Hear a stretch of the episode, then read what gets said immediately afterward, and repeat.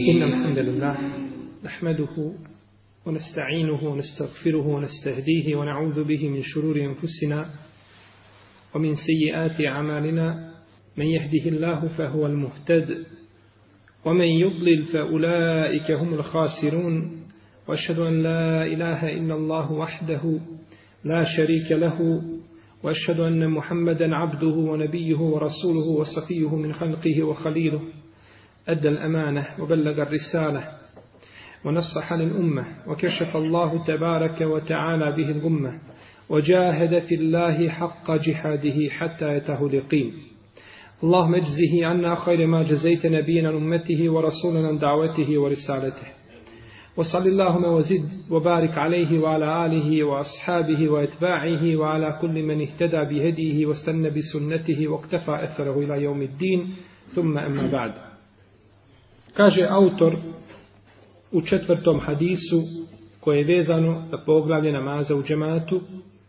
An Abdullah ibn Umar radijallahu anhu عن النبي صلى الله عليه وسلم قال إذا استأذنت أحدكم امرأته إلى المسجد فلا يمنعها قال فقال بلال بن عبد الله والله لنمنعهن قال فأقبل عليه عبد الله فسبه سبا سيئا ما سمعته سبه مثله قط.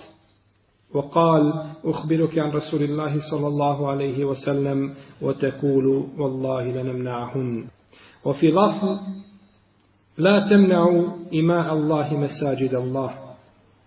Od Abdullah ibn Umara od Abdullah ibn Umara radijallahu anhu se prenosi da je poslanik sallallahu alejhi ve rekao kada žena nekog od vas zatraži dozvolu za izlazak u džamiju, neka joj ne brani. Pa je Bilal ibn Abdillah, sin Abdullaha ibn Omara ibn Khattaba radijallahu anhum, rekao, Wallahi le nemna'hun, tako mi Allaha zabranit ćemo im izlazak u džamiju. Tako mi Allaha zabranit ćemo im izlazak u džamiju. Kaže, pa je prišao Abdullah, pa je izgrdio svoga sina. Nisam nikada čuo da je nekoga prije toga izgrdio na sličan način. I rekao, ja ti prenosim od poslanika sallallahu alaihi wasallam šta je rekao, a ti mi kažeš, tako mi Allaha, zabranit ćemo im izlazak. U drugoj verziji koju bilježi imam Muslim i Buharija se kaže, nemojte spriječavati Allahove robkinje da izlaze u džamije.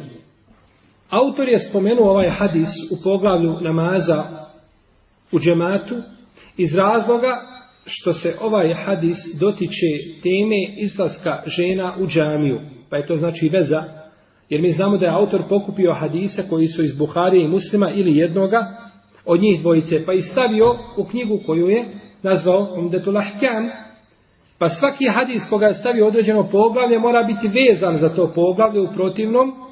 Ne bi znači poredak bio šta? Ispravan, odnosno bila bi krnjavost u tome, u tome poredu.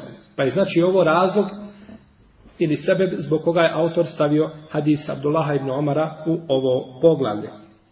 O Abdullah ibn Omaru smo govorili, časnom ashabu poslanika sallallahu alaihi wasallame, alim od uleme, koji prenosi puno hadisa od poslanika sallallahu alejhi ve sellem i bio je poznati faqih koji se najžešće držao sunneta poslanika sallallahu alejhi ve kako spominju brojni učenjaci. To spominje šejh Islam ibn Taymije u svojim fetvama i to spominje Ibn Hajar al-Askalani u svome dijelu, Takribu tehdib i drugi da Ibn Omar a, bio jako brižan kada je u pitanju sunnet poslanika sallallahu alejhi ve i to se isto tako zaključiva iz ovoga iz ovoga hadisa. Kaže Nafija da ste vidjeli da ste ga vidjeli kako prati stope kuda je hodao poslanik sallallahu alejhi ve kazali biste da je lud. Čak bi silazio i obavljao malu fiziološku potrebu tamo gdje je poslanik sallallahu alejhi ve činio potrebu.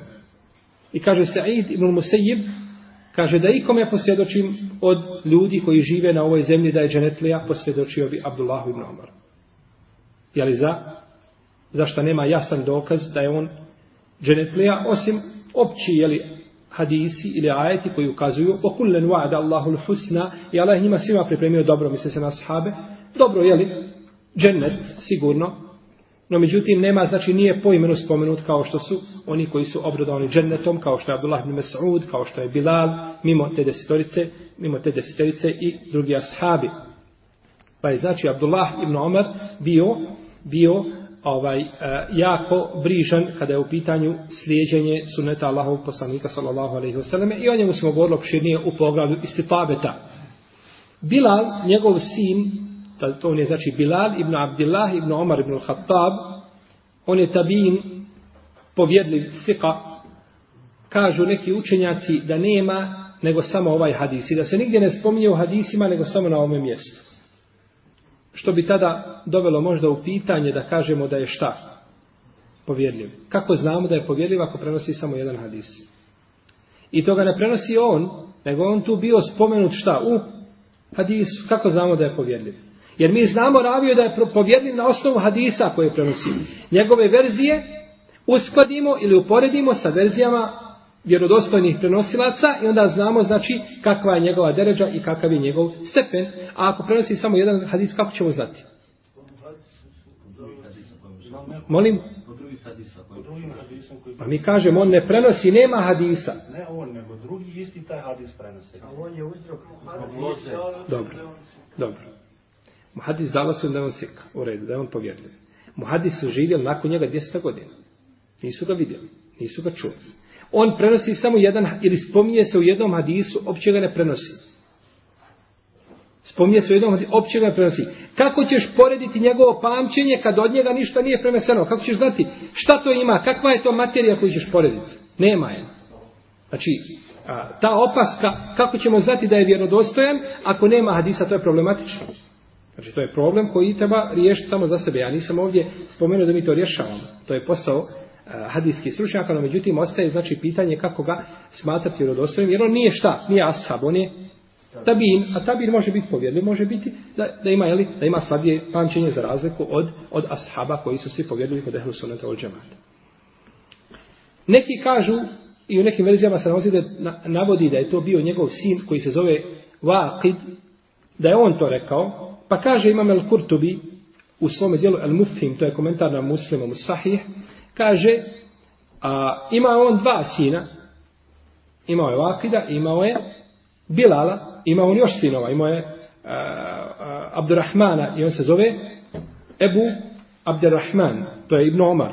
Imao je sina Salima, znači ovaj, imao je više, imao je više, jeli, sinova, pa kaže, Imam El Kurtobi, ispravno je da je to bio jedan i drugi, da jedan i drugi da su tako kazali, pa je odgojio jednoga i drugoga, odnosno ukorio jednoga i drugoga zbog, znači, njihovih, zbog njihovih riječi. Kaže, pa je rekao Bilal. Kaže, pa je prišao Bilal. Ko kaže?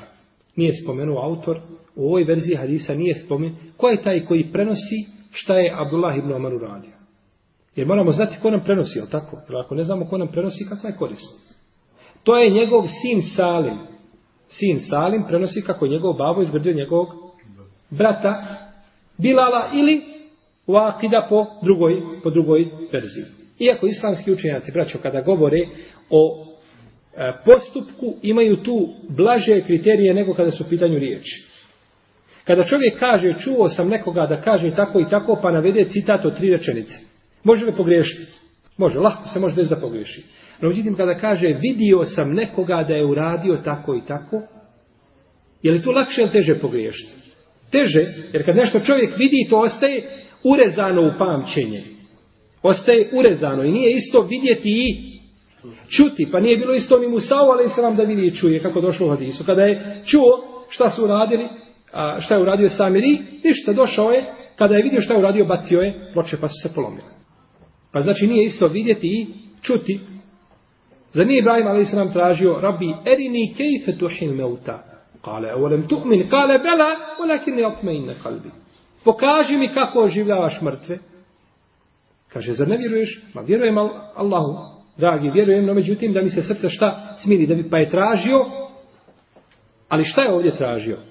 Kakvoću kejfe. U arapskom je kejfe kako? Tražio je kakvoću, kako to način kako življavaš. On nije sumnjao u šta u, nego ga je zanimalo kako to se dešava oživljavanje. Pokaži mi kako se dešava, ja ne sumnjam. Pa je ovo još jedna deređa šta? Znači, e, još jedna deređa u potvrdi da je Ibrahim a.s. znači, bez ikakve sumnje, znači, vjerovao i nije mu to viđenje povećalo njegov iman posebno, osim što je želio da zna šta. Način kako se to, način kako se to dešava. Iako kažemo u osnovi se razlikuje, jeli, a, razlikuje se a, viđenje od slušanja. Pa ovdje je rekao Salim kaže. Salim kaže pa je prišao. Znači to govori Salim sin Abdullaha ibn Omara ibn Khattaba. Pa da je to autor pojasnio i da je to stavio, znači da je stavio rivajet koji pojašnjava ko je to bio, bilo bi znači bilo bi bila bi predaja jasnija. Spomen, spomenuti ovdje mesčid, el mesčid, mi smo spominjali nekada davno, u pogledu mezija, ako se sjećate, smo govorili da može, može se kazati mesčid, a može sa kesrom mima. Misčid. Mesčid i misčid. No, međutim, poznato je u arapskom jeziku da se kaže mesčid. To je ono što je poznato. A drugo je se predan ovdje el mesađid. To je množina od riječi šta? To su džamije. Pa, kako uzvišeni Allah te barak wa ta'ala kaže wa anna al masajida lillahi fala tad'u ma Allahi ahada i mesdžidi pripadaju Allahu i nemojte pored Allaha nikoga drugog dobiti i moliti. No, međutim, mesdžid ili mesađid je isto od množina od reči mesđed. A mesđed su dijelovi tijela sa kojima se čini seđda. Poznati, znači, sedam dijelova tijela sa kojima se čini šta? Sežda kaže se da su to, to su mesčed, a množina je mesađid. Pa to neki tumače kaže wa anal masajide lillahi i dijelovi sa kojima se čini sežda pripadaju Allahu i nemojte sa njima drugom na seždu padati, ili nemojte drugoga pored njega tim dijelovima tijela šta? Moliti. Jer je mesađid množina jedne šta i druge riječi, je tako? No međutim, ispravno je prvo mišljenje da se ovdje mišljenje misli na mesađid, da su to šta? Džamije, da to nisu dijelovi, znači tijela, nije od mesčed, nego je od mesčid ili od misčed, ili od a, misčed kako je došlo jeli, po drugom, po drugom privajetu, odnosno kako se ova riječ može izgovoriti. Ovaj hadis jasno ukazuje da je zabranjeno muškarcu da brani svojoj suprugi ili suprugu da prani ženi da izlazi u džamiju ako zatraži dozvolu za izlazak.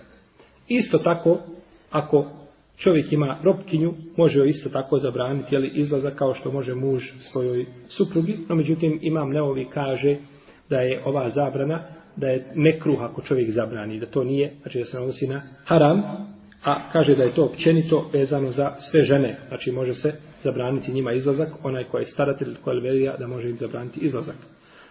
U jednoj predaji kod muslima se navodi, kaže se, La temna un nisa el huruđe ili el mesađidi bil lejl.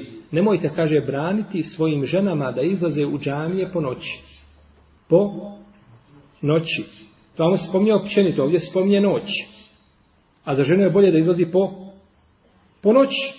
Bolje da izlazi po noći, jer je noć skrivena, noć je njoj zastor. Noć je zastor ženi. Pa je bolje da izlazi po noći nego po danu, no međutim, hadis je došao općenito i u drugoj verziji se kaže a, koja je došla a, znači kod imama Ahmeda i kod Albezara i drugih sa dobrim lancem prenosilaca i neka iziđu nenamirisane. I neka iziđu nenamirisane. Ako ne bi bio čovjek ili vlasnik ropkinje a ispune se uvjeti za izlazak onda bi bio haram zabraniti ženi kako spominju neki islamski učenjaci između ostalih imam Enneovi Došao kod imama muslima, u vjerodostojnoj predaji, znači, svakako sve što je kod muslima je vjerodostojno, da je Aisha radijallahu ta'ala anha kazala, da vidi poslanik sallallahu alaihi wasallame, šta su učinile žene, nakon njega zabranio bi im izlazak u džamije. Zabranio bi im izlazak u džamije. Kao što je zabranjen izlazak u džamije ženama Benu Israila. Pa iz ovega hadisa imamo a, dvije lijepe koristi, a to je da se žene u vrijeme tabina ili nakon smrti poslanika izmijenile. Znači da nije, da se, da islam, znači koji je bio u vrijeme poslanika, da je bio najčišći. I sigurno kako odmiču vremena, da je islam poprimao boje, da je znači poprimao, jeli, ovaj, a, oblike ili, a, ili primjese koje nisu u osnovi od islama. Pa Aisha radijallahu ta'ala kaže da poslanik sa osaname vidi kako su i šta su, zabranio bi mi izlazak u džamije. Ako je to vrijedilo za vrijeme Ajše radijallahu ta'ala anha, šta onda da kažemo mi za naše vrijeme? Ponekad, braćo, kada se ovako spominju predaje, imam tabari i kaže šta da mi kažemo za naše vrijeme. A imam tabari umro 310. hiđarske godine. Pa dolazi imam neovi i kaže, a subhanallah, a šta da mi kažemo za naše vrijeme? 676. hiđarske. Pa dolazi imam sujuti 911. i kaže, ako su oni tako govorili, mi kaže, nemamo šta da pričamo. Pa šta da mi onda kažemo tek danas u naše vrijeme, a doće i generacije koji će kazati, a oni naši predci u 15. hiđarskom stoljeću su oni govorili tako i tako, šta da mi kažemo u naše vrijeme. I tako se to prenosi sa generacije na generaciju, jer se a, vremena se mijenjaju, znači i generacije se mijenjaju i kako god je prema sudnjem danu, biva sve gore i sve teže. Kaže imam Enneovi, ovdje se misli da su žene izmijenile da izlaze u džamiju namirisane i ukrašenom odjećom. Nije više ona čisto znači noša, nego ima znači promjene, došla je do, do promjene kod odjeće. Ha. Iziđe u džamiju, namiriše se. Ili iziđe u džamiju a, u džilbabu i strukira se sa svih mogućih strana i strukira se i krene u džamiju u nekakvom hijabu. To nema veze sa hijabom. Ste čuli da ima modna revija hijaba? I bolje vam je što niste čuli, mirnije ćete spavati. Modna revija hijaba, žene izlaze i predstavljaju, to, je, to, je, to su musibeti, da nema musibeta nakon njih. Pa je zabranjeno, znači, žene da izlazi u hijabu koji je tjesan, u hijabu koji je ukrašen. Namiri se na o tome. Jer kaže poslanik sallallahu alejhi ve sellem u hadisu koga bliže vam Nesa ima Mahmed od Ebu Musa Lešarija od poslanika sallallahu alejhi ve sellem Ejuma imratin ista'tarat ثم خرجت فمرت على قوم ليجدوا ريحها فهي زانيه koja se god žena namiriše pa iziđe da prođe pored ljudi da osjete njen miris ona je nemoralna ona je zanija. i kaže mora se vratiti nazad kući u drugom hadisu i da se okupa kao što se kupa od dženabeta pa tek onda da ide u džamiju. Pazite, posla, posla, žena pošla u džamiju i namirisala se. Posla da, pošla da Allahu vrši ibadet, da obavi namaz u džematu, da zikri, nije bitno da sluša predavanje. Namirisala se, mora se vratiti kući i ne vrijedi više ako je miris stavila na ruku da opere taj dio. Nego mora se okupati od, kao što se kupa od dženabeta. Da joj se ukaže, znači na grijeh koji je počinila, Pa ti si ovdje namirisala se, a to je vid čega? Nemorala. Idi se vrati kući i okupaj se, pa da osjeti kakav je zločin šta. Počinila izlazeći na ulicu namirisana. Pa se mora okupati, jer kad bi se u svojoj kući namirisala za muža, i hoće da iziđe napolje, dovoljno je da opere samo mjesto gdje se je šta? Namirisala ako zna da nije došla na drugo mjesto, miris. No međutim, ako bi se namirisala, izišla napolje, kada se vrati kući, mora se kupati. Ne vrijedio i da se šta? da opere taj dio. Mora znači osjetiti kakav je grijeh počinila izlazeći na ulicu namirisana. Pa ovdje poslanik sa kaže da je takva žena u propisu nemoralne žene braću u grijehu. Ha.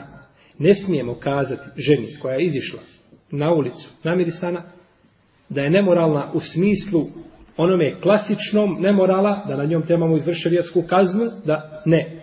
Ona je nemoralna u smislu čega? Grijeha.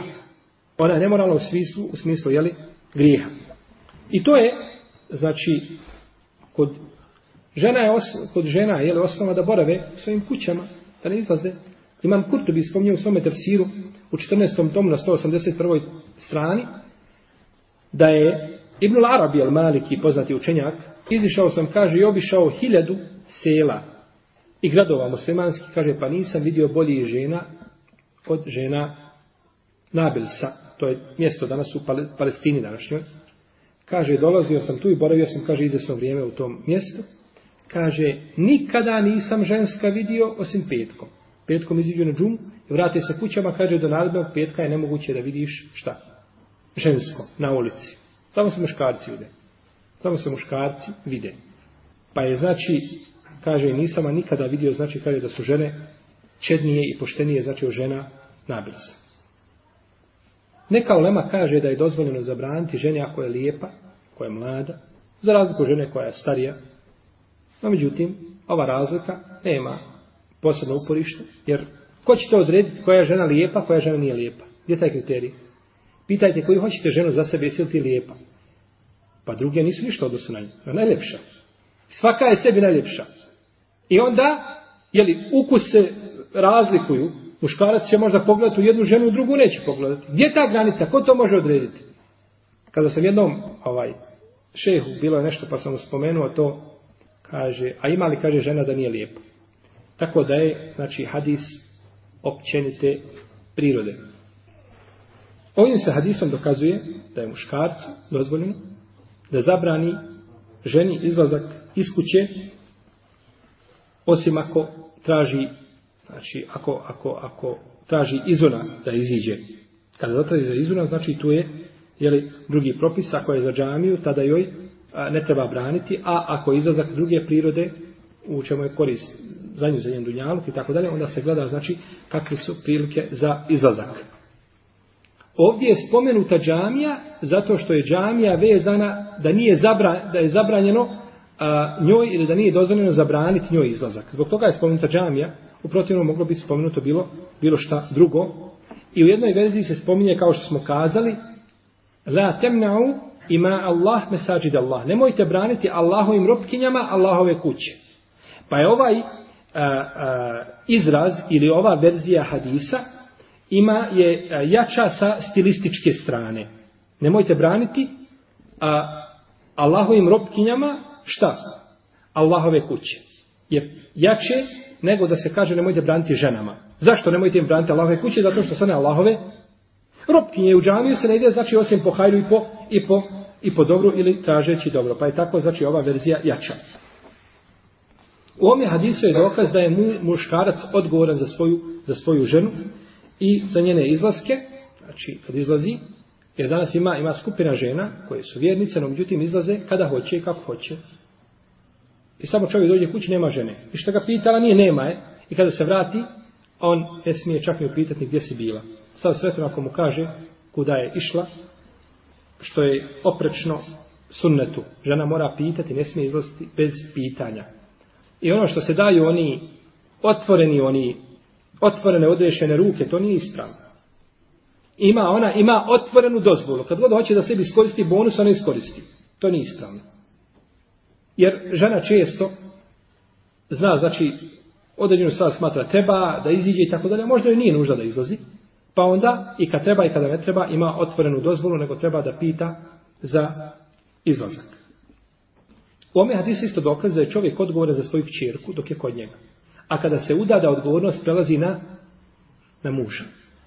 Da odgovornost prelazi na muža, pa je nakon udaje ovaj riječ muža iznad riječi babe. Svakako je da nema u tome ništa što se kosi sa, sa šerijatom. Imam Ebu Nuaym bilježi u svom dijelu Hilije od Fatime radijallahu ta'ala da je pitana šta je najbolje za ženu pa je, reka, pa je rekla najbolje da je ljudi ne vide i da ona ne vidi ljude. Znači da boravi u svojoj, da boravi u svojoj kući. A, no međutim, kaže šeha Albani da ova predaja, da ova predaja a, slaba, da nije, da nije vjerodostojna. وَقَرْنَ فِي بُيُوتِكُنْ وَلَا تَبَرَّجْنَ تَبَرُّجَ الْجَاهِلِيَّةِ الْأُولَى I boravite u svojim kućama, nemojte se razgoličavati kao što su to paganke činile. Pa je osnova ženi znači da boravi u svojoj kući i čak je njen namaz u njenoj kući bolji od namaza šta? U džamiji. Pa žena koja živi u Mekke, pored Kjabe, 50 metara, bolje je da planja u svojoj kući nego u Kjabe, nego u Al-Mesjidul Haram, nego u poslanikove sa osam džamiji. Namaz u njenoj kući je šta? Bolji. Namaz u njenoj kući je bolji. Svakako žena kada izlazi, znači mora se uzeti obzir šerijatska nošnja, jer, jer je poslanik sallallahu alaihi sallam rekao da će biti žene kjasijatu narijat, obučene, a otkrivene. Ili obučene, a gole. Tako je došlo. Obučene, obučena je prozirnim, pa je ona kao slika pokrivena. Ali u stvarnosti je šta? Otkrivena. Jer ona nije pokrivena šerijatskim hijabom. Nije pokrivena šta? Šerijatskim hijabom. Pa se smatra u tom slučaju otkriveno. Pa je ona a, ovaj a, kao slika biva pokrivena, no međutim u stvarnosti ona je otkrivena, pa zato kaže poslanik sa ili je obukla nešto što je tijesno. Pokrila se, ali opet nije šerijetski, nego je pokrila se znači samo jezički. A to opet šta? Ne može proći, nego mora biti znači to šerijetsko, šerijetsko pokrivanje. Ovo je govorio znači kada žena izlazi napolje, kada ima potrebu. Protivnom, mislim da danas ima pretjerivanja, kada su pitanje vjernice, izlazak napolje. Ima pretjerivanje. I sa strane muškaraca, muslimana i sa strane žena. Pa čovjek slobodan, ništa ne radi, može uraditi posao, međutim žena ide i u državne ustanove, i potpisuje, i dogovara, i ugovara, i predaje, i diže, i on samo sjedi. To nije njen posao, to je tvoj posao da radiš. I nije njeno da izlazi i tamo da se sa muškarcima ovaj razglaba i da, da, da se ovaj dogovara, nego je to tvoj posao da ti to uradiš. Ona to radi samo kada ti zaista nikakve mogućnosti nemaš. Kod muslima ima predaja od Ebu Sejda Hudrija. Kaže, bili smo sa poslanikom sa osaleme na Hendeku. I tu je sa nama bio jedan mladić. Čovjek koji je oženio se jeli, na novo. Pa je tražio od poslanika sa osaleme u podne da ide kući. Da ide kod, kod Hanume, kod mlade. Pa mu je poslanik sa osaleme dozvoljavao. Pa mu kaže, uzmi sa sobom koplje, ja se bojim, kaže da da ti neko od Benu ne nanese kako zlo. Pa uzeo sa sobom koplje. Pa kada je došao jednog dana kući, vidi ženu na polju da stoji ispred vrata. Pa je uzeo koplje da je ubije. Da baci koplje da je ubije nama. Kaže se, pogodila ga ljubomora. Što ćeš ti na vratima? Ne što ćeš ti na pijaci? Što ćeš ti u robnoj kući? Nego što ćeš ti na vratima? Tvoje mjesto iza vrata. Zatvoreni svakako. A nije na polju. Pa je digao da je ubije. Pa kaže, sačekaj Allahov robe, polako, kaže, pitaj što me je isteralo napolje. Ali pogledajte, kada je nije znači pitao, kada je ljubomora u pitanju, šta?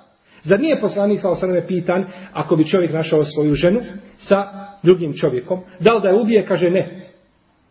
Pa kaže sad Ibn Bade, Allahu poslaniče, da nađem njih jedno sa drugim, jeli? I da tražim se, ma vallahi, kaže, ja bih njih natakao jedno i drugo na srlju. Pa kaže poslanik sa osaname, Zar se čudite ljubomori sada? Ja sam, kaže, ljubomorniji od njega, a Allah je ljubomorniji od mene. Hoće kazati poslanik ja sam rekao nešto. I je li ovdje sad kontrirao? Jeste, jasno. Kaže, ne, ne može. Ma kaže, ja bi njih. Jer, braće, ovdje je čovjek mimo sebe, van sebe. Pa ga poslanik nije ukorio zbog čega? Zbog žestoke ljubomore. Jer je ljubomora stvar koju čovjek nosi u duši i ponekad ne može vladati sa njom. Ha, Ne možeš vladati kada se nešto desi, ne može čovjek vladati sa tom ljubomorom, pa je tako bilo s ovim mladićem ovaj koji je dolazio e, sa poslanikom za osvijem na Hendek i tako je bilo isto sa Sadom, pa je poslanik za rekao, ti sad jesi ljubomoran, ali ja sam ljubomorniji od tebe. Ljubomorniji, ali ja poznajem Allahove granice i moja ljubomora je šerijatska, a tvoja je prešla šta šerijatsku granicu. Pa je zato, braćo, bitno oko čovjeka da bude, da nema, da nisu kod njega osjećaj, nego da je, da su šerijatske granice. Da su šerijatske granice. Pa mi ne, vodi, mi ne volimo poslanika Muhameda s.a.v. zato što je on Muhammed ibn Abdillah od Kurešija. Ne volimo ga zato, nego ga volimo zato što je šta? Allahov poslanik, zato što je došao sa poslanicom, da nam prenese i da nas pouči i da uputi ljude haj, ka hajru i ka dobru. Pa to je, to je šerijatska ljubav. Onda u protivnom čovjek kako emotivno bude volio, volit će svega i svačega. Pa mu je kazala Allahov robe, vidi šta me je istralo na polje. Pa je ušao u kuću pa je vidio zmiju, veliku, Pa je uzeo i uboje, probao je kopljem i iznio je napolje, no međutim zmija se okrenula i uhvatila ga i ne zna se koje je prije preselilo, on ili ta zmija. Udavila ga. Pa su kazali to poslaniku Salosana, pa kaže, a kaže u Medini, imaju, kaže, žini koji su primili islam, kaže, pa kada neko od vas nađe zmiju, neka traži od nje tri dana da izađe, pa ako ne izađe nakon toga, ako vidi da je ubije, neka je ubije. No međutim, neka traži dozvolu šta da je izađe. Ovo ima muslim spomenuo u svome eh, sahihu u poglavlju ubijanje zmija ovaj znači ovaj hadis. Vidimo znači kolika je bila ljubomora kod ashaba i kako su znači pazili čak znači da žena ne izlazi ni na dobratke, no međutim vremena se mijenjaju wala haula wala kuvvete illa billah.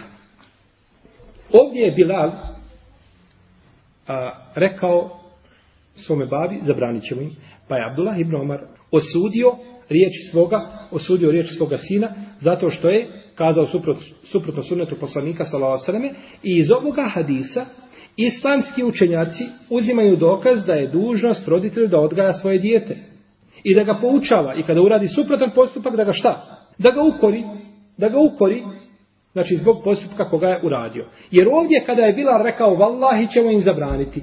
To nije rekao što je htio da kaže suprotno onome što je rekao Rasulullah sallallahu alaihi ve sellem, nego je rekao iz ljubomore. No međutim ova ljubomora nije bila šta? Šerijatska. A Abdullah ibn Omar ga je izgrdio koji je bio ovaj, koliko je god ovaj bio ljubomoran na žene, toliko je Abdullah bio ljubomoran na šta? Na, na sunnet poslanika, pa ga je izgrdio. Pa je a, a, poznavanje i razumijevanje hadisa od Abdullaha ibn Omara bilo kudi kamo jače nego od njegovog šta. I pogledajte kolika razlika između babe i sina. Otec Tabin u razumijevanju hadisa. Kolika je odlika sahaba nad, nad Tabinima. Pa je znači bio poseban ljubomoran i tako je bila ulema. Ima mali kada bi mu neko došao i pita ga za određenu stvar, došao bi kući njegovi pa bi poslao nekoga u svoje porodice, kaže, pita ga, hoće li fetvu šerijatsku, halal haram, ili hoće hadise. Pa ako bi rekao hoće fetvu, izišao bi, rekao bi fetvu i vratio se nazad. A ako bi kazali, on želi da mu pričaš hadise od poslanika sallallahu sveme, jeli sa lancima prenosilaca, onda bi ušao u svoju kuću, uzeo abdest, namirisao se, obukao najljepšu odjeću i nakon toga izišao da govori hadise poslanika sallallahu sveme, i ne bi spominjao hadise ni ime poslanika sallallahu sveme, osim na punoj šta? Čistoći. Pa su tu znači pravili, pa su tu pravili razliku da im se Allah smiluje svima. Pa je ome hadisu znači dokaz da ne smije niko dati prednost nekome nad riječima Allaha te barek kotala, niti riječima poslanika sa osam, niti da se stavlja ispred Allaha za uđel i poslanika, ali i salatu wasalam. Ja ejuha juha ladine la tu kadimu bene ide Allahi wa rasule. Nemojte vi, jeli, ovaj, sa svojim govorom, stavljati svoj govor ispred govora Allaha te barek kotala i njegovog poslanika, sallallahu alaihi wa sallam. I ome hadisu je dokaz da je smatranje nečega lijepim ili pogrdnim dobrim ili pokuđenim, čisto znači šerijatsko pitanje. To je etahsin od takbih, poznato je u šerijetu, smatra nečega lijepim ili pogrdnim. To biva šerijatska stvar. To biva šta? Šerijatska stvar. Pa ako je šerijet kazao da nešto da je lijepo, to je lijepo kako god da bilo. Ako je šerijet kazao da nešto ne valja, to ne valja kako god da bilo. Šerijet je kazao da je alkohol bolest. Nema više toga ko može doći kazati ne, alkohol je lijep, u njemu ima hajra, alkohol je Nema toga. Šarijet je kazao da on ne valja.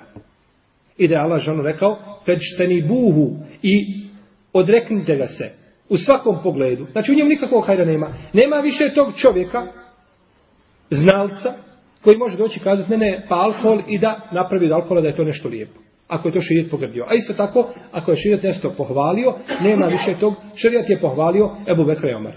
Koliko se god ljudi trudili da pričaju o Ebu Bekru Omeru, ne mogu im naškoditi jer je šerijat, šerijat pohvalio.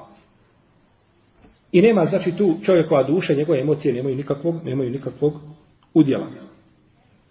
Neki učenjaci iz ovoga hadisa zaključuju iz ove predaje da kijas ili analogija ima prijednost nad pojedinačnim hadisima. Ovo je pitanje vezano znači za islamsku metodologiju, sulfik, da analogija ima prednost nad pojedinačnim šta?